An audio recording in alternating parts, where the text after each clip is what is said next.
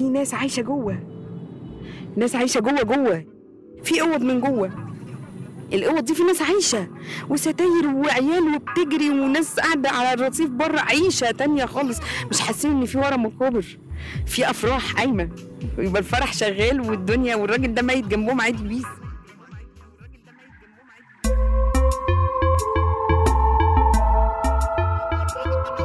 إذا منطلع على الصورة الكبيرة ومننسى ولو لحظياً الكوارث الطبيعية والحروب منلاقي إنه عالمنا منظم كتير ومتوقع إلى حد كبير.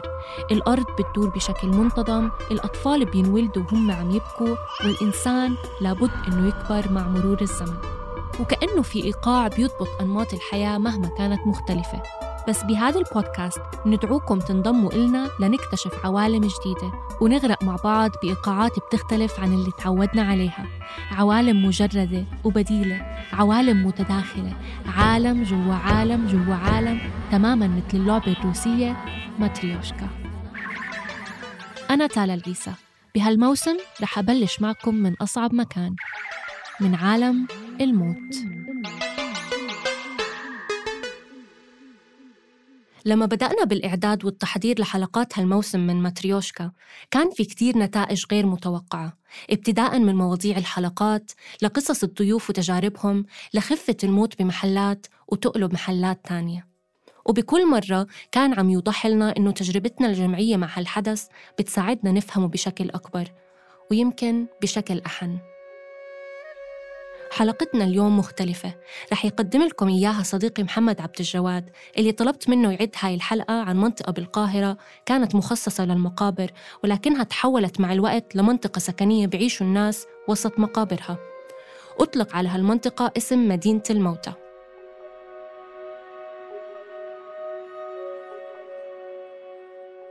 بعد تقريبا أسبوعين من ما اتفقت مع عبد الجواد إنه يكتب الحلقة والدته توفت. موتها كان مفاجئ كتير. قلت له وقتها إنه ينسى الموضوع مش ناقصه زيارات للمقابر والتفكير بالموت. بنظري الكتابة عن الموت بتتطلب مسافة معينة تفصلنا نفسياً وزمنياً عن الموضوع بس عبد الجواد كان عنده رأي مختلف. قال لي إنه صار مهتم يكتب عن الموضوع أكتر خاصة بعد وفاة والدته. رح أترككم معاه. أنا حاليا جنب مسجد السلطان قايتباي. وهو من أحد أقدم المساجد في القاهرة ومبني في ال 1400 وشوية. والمسجد تم بناؤه كمدفن زيه زي أغلب مساجد المماليك. طبعا تسجيل ما ينفعش خالص آه، بالمسجل عشان تعرضنا لأكتر بقى من سؤال تسجل إيه؟ طب وتسجل فين؟ وتسجل ليه؟ أكيد صوت العربيات واضح أكيد الدنيا عايشة حواليا أكتر. ودي مش أول مرة أجي دي المحاولة التالتة.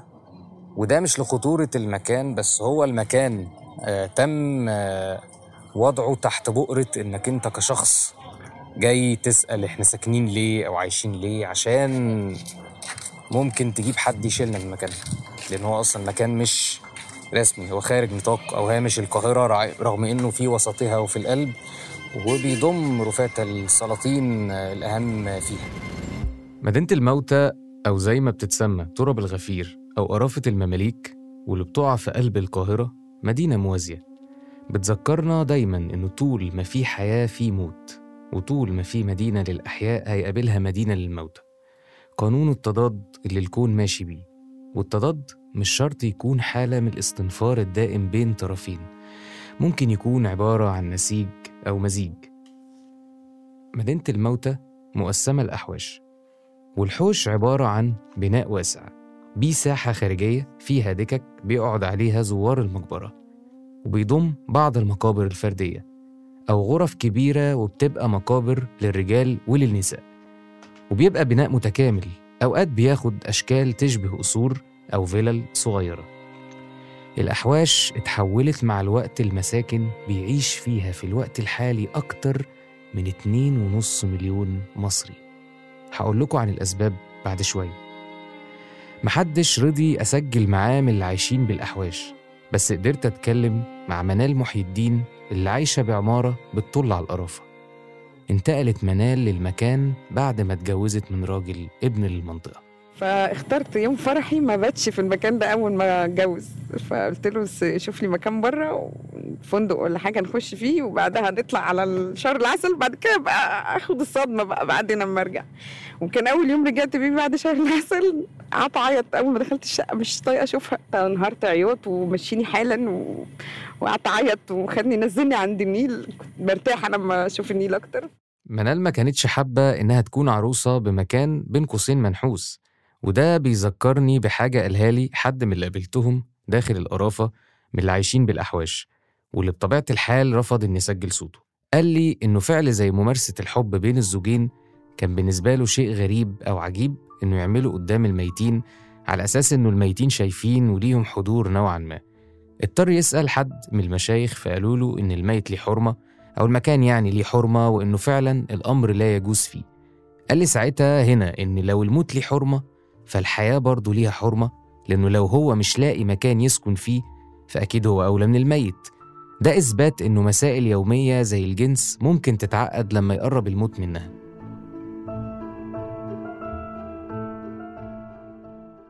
خلونا نرجع لمنال اللي ما كانتش قادرة تتصالح مع فكرة إنها هتصحى مع الميتين أو تنام معاهم. أنا في الأول جوزي كان حاول يخليني أحب المكان اللي هو عايش فيه عشان هو حبه وشايفه أثري. هو بيحب النظام القديم وأنا ما بحبش النظام ده خالص. فأنا مستحملاه مبدئيا عشانه. ثانيا حب يوريني المكان اللي أنا عايشة فيه خريطته إيه عشان يحفظني. بنيته إنه يحفظني ويحببني في المكان. ففوجئت إن أنا قاعدة في وسط ناس مشهورة جدا. وراني فريد الأطرش آه آه، اسمه إيه تاني عبد الحليم حافظ. خد من ده كتير مطربين كتير من زمان مدفونين هنا. حتى رجاء الجداوي جت اتدفنت هنا. حلو على عيني وعلى راسي بس برضه إحنا في مقابر. طب هنا يجي سؤال مهم. انت أصلا بتحبي تسمعي اغاني ليهم أو تسمعي حاجة لحد منهم ولا علاقتك بيهم مجرد علاقة شخص بحد ميت؟ أنا بحب فريد الأطرش في أغاني معينة وعبد الحليم في أغاني معينة وهم دول بسمعهم. لا- ألاقيهم بقى قاعدين جنبي دول يعني كان شيء مرعب شوية. جوزيسكو جنبي ليه؟ ليه؟ واضح كده إن ال- الهوا هواية. ف... فالهوا واحد في نفس المكان. بس فأنا أنا مصدومة. يعني حباكم مش عايز اشوفكم دلوقتي. لو سمحت فهو ده اللي مضايقني من الموضوع. في mix غريب.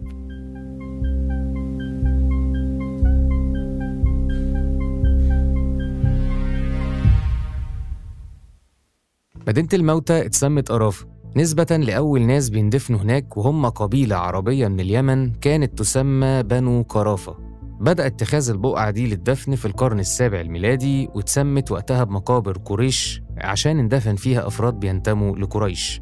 المنطقة بعدها بدأت تتخذ للدفن لأسباب متعلقة بكلام إن جبل المقطم جبل من الجنة أو إن البقعة دي مبروكة خصوصا لدفن عمرو بن العاص فيها. لكن ما خدتش الشهرة إلا وقت الأيوبيين لما الأمراء بدأوا يندفنوا هناك بعد ما مات الإمام الشافعي وبقت له مقبرة هناك تبرك وعملا بمبدأ من جور السعيد يسعد.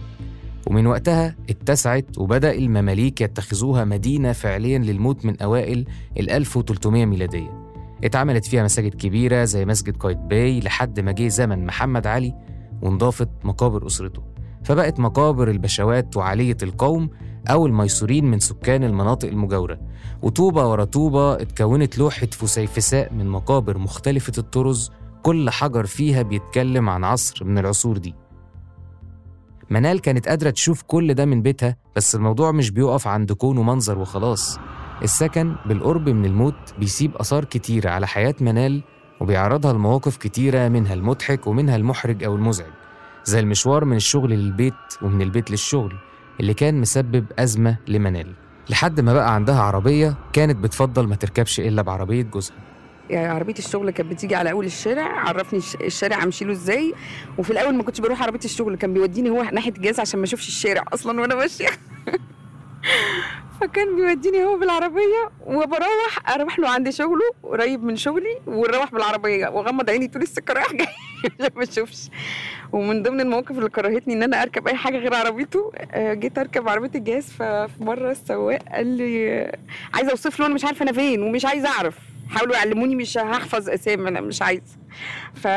فبقول له لو سمحت تنزلني عند الكوبري اللي أنت بتعدي من عليه تروح بعد كده على المعادي. قال لي آه أنت اللي ساكنة في وسط المقابر. ما ركبتش معاه تاني الصراحة.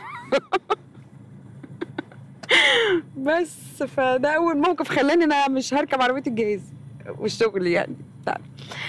فجيت بعدها أجي أركب أوبر أروح عند والدتي مش عارفة أقول له إيه. اركب تاكسي أقول له إيه أنا رايحة فين؟ مش عارفة. فكنت بكره المشوار. اوبر لما كنت بجيبه كان يقعد يقول لي لا أنا مش هخش لك في المكان ده. كنت بخاف.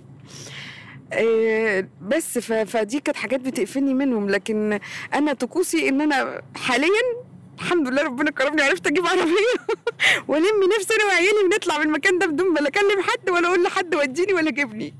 بعد ما اتكلمت أكتر مع منال كان من الواضح إنها مش مرتاحة بوجودها في المكان ده يعني مش قادرة تتخلص من الهالة اللي بتغلف المنطقة بالموت. السكن بجوار الموت وخاصة في منطقة خارج التصنيف زي مدينة الموتى بينتج عنه وصمة مجتمعية ولكن بالمقابل في نظرة وقار واحترام للقرب ده قرب بالنسبة لبعض الناس بإمكانه يحل مشاكلنا ويوفر لنا مرجعية.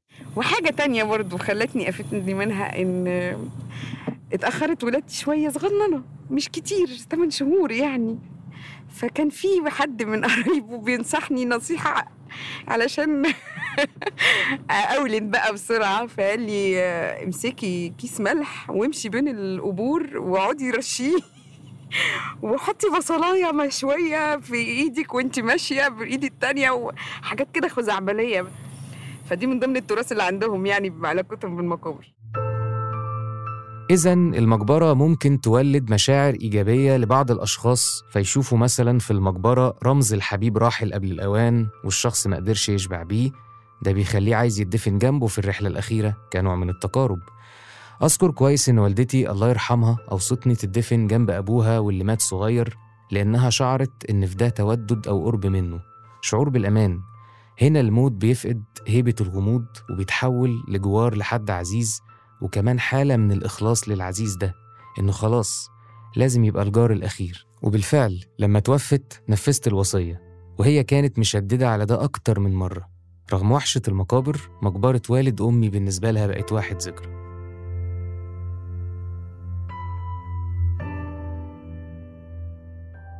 أنا عموما لما بعدي على مقابر ب- بحب أذكر حاجة صراحة كان بيخوفني أنا بخاف أسكن يعني أعدي من عليهم وخصوصا بالليل ومعظم خروجاتنا كانت بالليل. فلما بنعدي أنا بحس برهبة رهيبة حتى لو مشغلين كاسيت ولا أي حاجة أقوم قافلة وأقعد أستغفر ربنا وأتخيل نفسي مكانهم حاجة مرعبة. وأقرأ الدعاء. السلام عليكم ده رقم من امنون أنتم السابقون ونحكم اللاحقون اللهم لا تحرمنا أجرهم ولا تفتنا بعدهم واغفر اللهم لنا ولهم. بس دي علاقتي بيهم. وأقول يا رب احسن ختامنا. عشان المنظر موحش ومرعب جدا جدا جدا.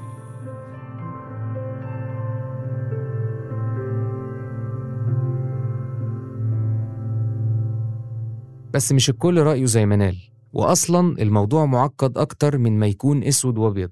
ناس بتحب المكان وناس ما بتحبوش. منطقة رغم إنها خارج الهامش لكن دخول آه، الحكومة بالسؤال أو حوالين تغيير الأماكن حوالين تحويله إلى مكان آه، طريق خلى الناس تخاف دايما من الإزالة القادمة وعدم التعويض. وده من حوار أجريته مع واحد ما حبش يذكر اسمه متخذ أحد الأماكن هنا بيت لي من سنة 1990 وعنده ولد في سني. فهو قال إنه دايما كان بيتعمل حوارات صحفية هنا معاه وكانت معظم الحوارات حوالين إزاي بتعيش حوالين الميتين وإزاي عايش وإزاي حاسس والكلام ده. بس هو كان دايما بيقول إنه زي ما أنا إحساسي هحسه دلوقتي هو بيحس. أنا قلت له أنا مش حاسس بأي خوف ولا بوحشة بل إن المكان آه، شديد الازدحام خصوصا لقربه لصلاح سالم. يعني أنا دلوقتي قدرت أخرج أو أعرج على صلاح سالم بسهولة. هو قال لي نفس إحساسك ده أنا بحسه. فلا يوجد فيه شيء غريب. وإن العيشة هنا زي العيشة في أي مكان بل إني في وسط القاهرة.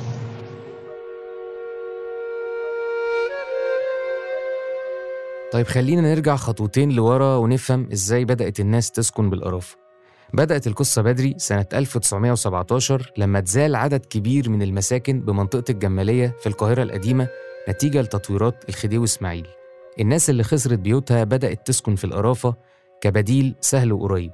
بعد كده زاد عدد سكان القاهرة خاصة بعهد عبد الناصر اللي رغم إنشاؤه العديد من المساكن الشعبية إلا إن توجه الدولة في الوقت ده ناحية التصنيع وابتعادها عن الريف جلب عمال مهاجرين كتير للمنطقة عشان يعيشوا فيها. تحديداً اللي ما كانوش قادرين يأمنوا شغل أو سكن بسبب ظروفهم المادية. الأزمة بقت أكبر بأواخر السبعينيات مع سياسة الانفتاح اللي أقرها السادات. غليت البيوت وده دفع الناس تسكن أكتر في المقابر. ظهرت وقتها العشش وساد بناء عشوائي في المناطق دي. كان المسؤول الأول لتنظيم عملية السكن الجديدة دي هو التربي التربي هو الشخص اللي بيتولى شؤون الدفن والغسل ومعرفة أسماء ومعلومات عن ساكني المقابر. بدأ الأمر بأنهم ياخدوا حلاوة تمن يعني لاختيار مقبرة للي حابب يسكن لغاية ما بقى بينهم قانون خاص مش بيقولوا لحد وبقى لهم نقابة خاصة كمان. ب 2016 قدر عدد اللي بيعيشوا بأحواش القرافة ب 2 مليون. البعض عايش هناك من 50 سنة والبعض من سنين قليلة.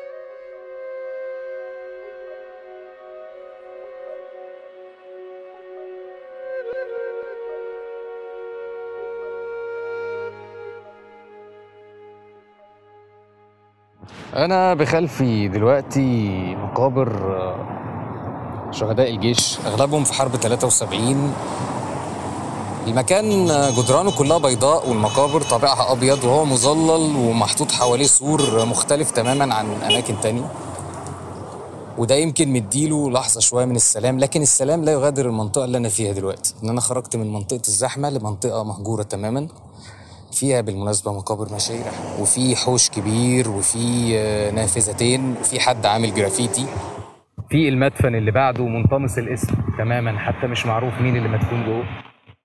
زي ما في مقابر مجهولة محدش بيعرف عنها حاجة في مقابر تانية لشخصيات مشهورين عائلاتهم لسه مهتمين. ومن الشخصيات دي اللي كانت مدفونة في المكان ده وبنقول هنا كانت لسبب هنعرفه لاحقا هو الكاتب الكبير إحسان عبد القدوس. يمكن بقاله فترة اسمه مش بيطل علينا إلا من خلال منشورات أدبية أو من خلال رواياته لكن في الفترة الأخيرة اسمه أطل من جديد أو تحديداً صارت لمقبرته رمزية مختلفة عن رمزيتها الطبيعية هنا هنقدر نفهم أكتر من شريف حفيد إحسان عبد القدوس اللي حبيت أكلمه شخصياً عشان يشرح لي إيه اللي حصل In July, my family was uh, surprised to learn the news. Uh, شريف قال لي إن جده إحسان كان مدفون مع أبوه وزوجته وإن والد شريف اللي هو ابن إحسان محمد عبد القدوس كلمه في أحد أيام يوليو من السنة دي وهو مرعوب. بيقول له إنه مشروع توسعة الطرق الجديد احتمال يؤدي لهدم المقبرة بتاعة إحسان. كان الأمر مربك ومؤلم على حد قول شريف. هنا فكرة رفات أو بقايا الراحلين من أهلنا بتتجاوز فكرة كونها مجرد رفات بتتحول للحظات كتيرة عشناها معاهم إحساسنا إنه في اختراق بشكل ما لمنطقة حميمية جدا في حياتنا.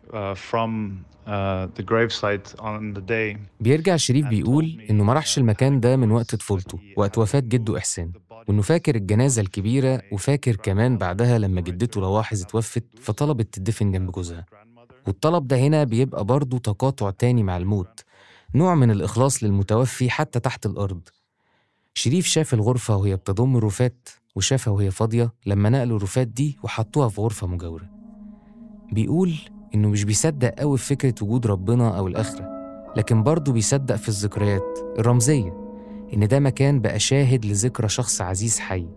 يعني المقبرة بتبقى أكتر من كونها مكان بيضم رفات بتبقى قطعة حجرية تؤكد إن في شخص عاش معانا يوما ما أو إننا عشنا يوما ما.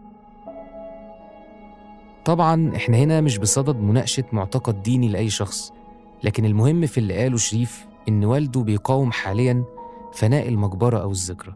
كان رافض إنه عظام أبوه تداس تحت عجلة البلدوزر فاللي عمله إنه نقل العظام بإيده لمكان جديد.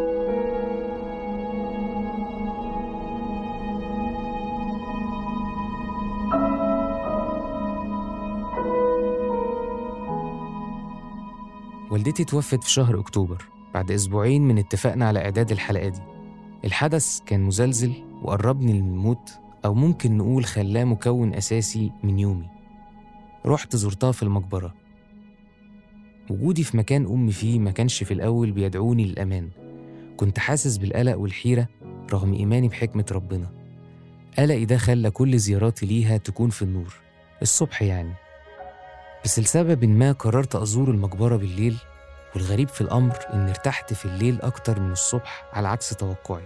فوجئت وتبين لي إن اللي بيخوفني بالليل هو تشربي لتراث كبير جدا من قصص العفاريت والجن. ولكن في الواقع اكتشفت إن اللي يخوف هو فكرة وجود حي في مكان زي ده أو أي حركة تدل على بادرة حياة. الحي بيخاف من الحي جوه جدران الموت مش من الموت نفسه.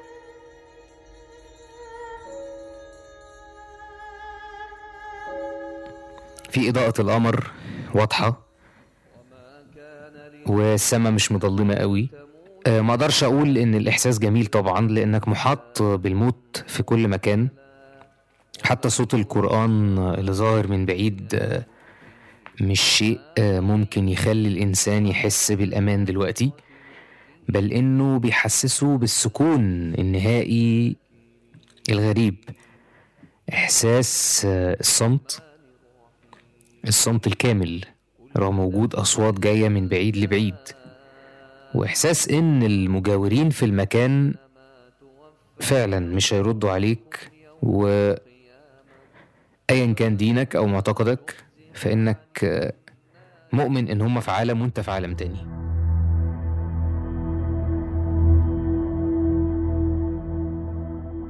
المقبرة مجرد بناء بيضم جسد شخص عاش بينا وبعدين بقى ذكرى.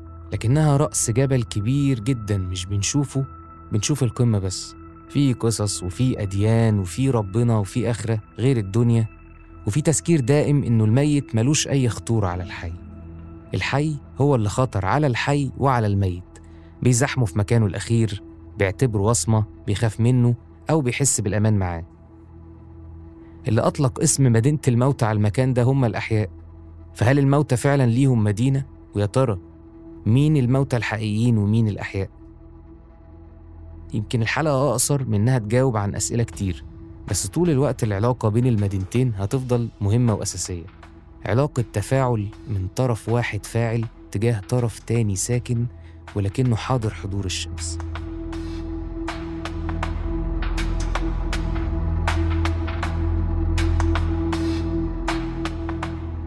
كنا معكم من الإعداد والكتابة والتقديم محمد عبد الجواد وتالا العيسى. المساهمة بالإعداد سليم سلامة. الهندسة الصوتية والإخراج الصوتي تيسير قباني. النشر والتواصل مرام النبالي. انتظرونا الأسبوع القادم. ماتريوشكا من إنتاج صوت.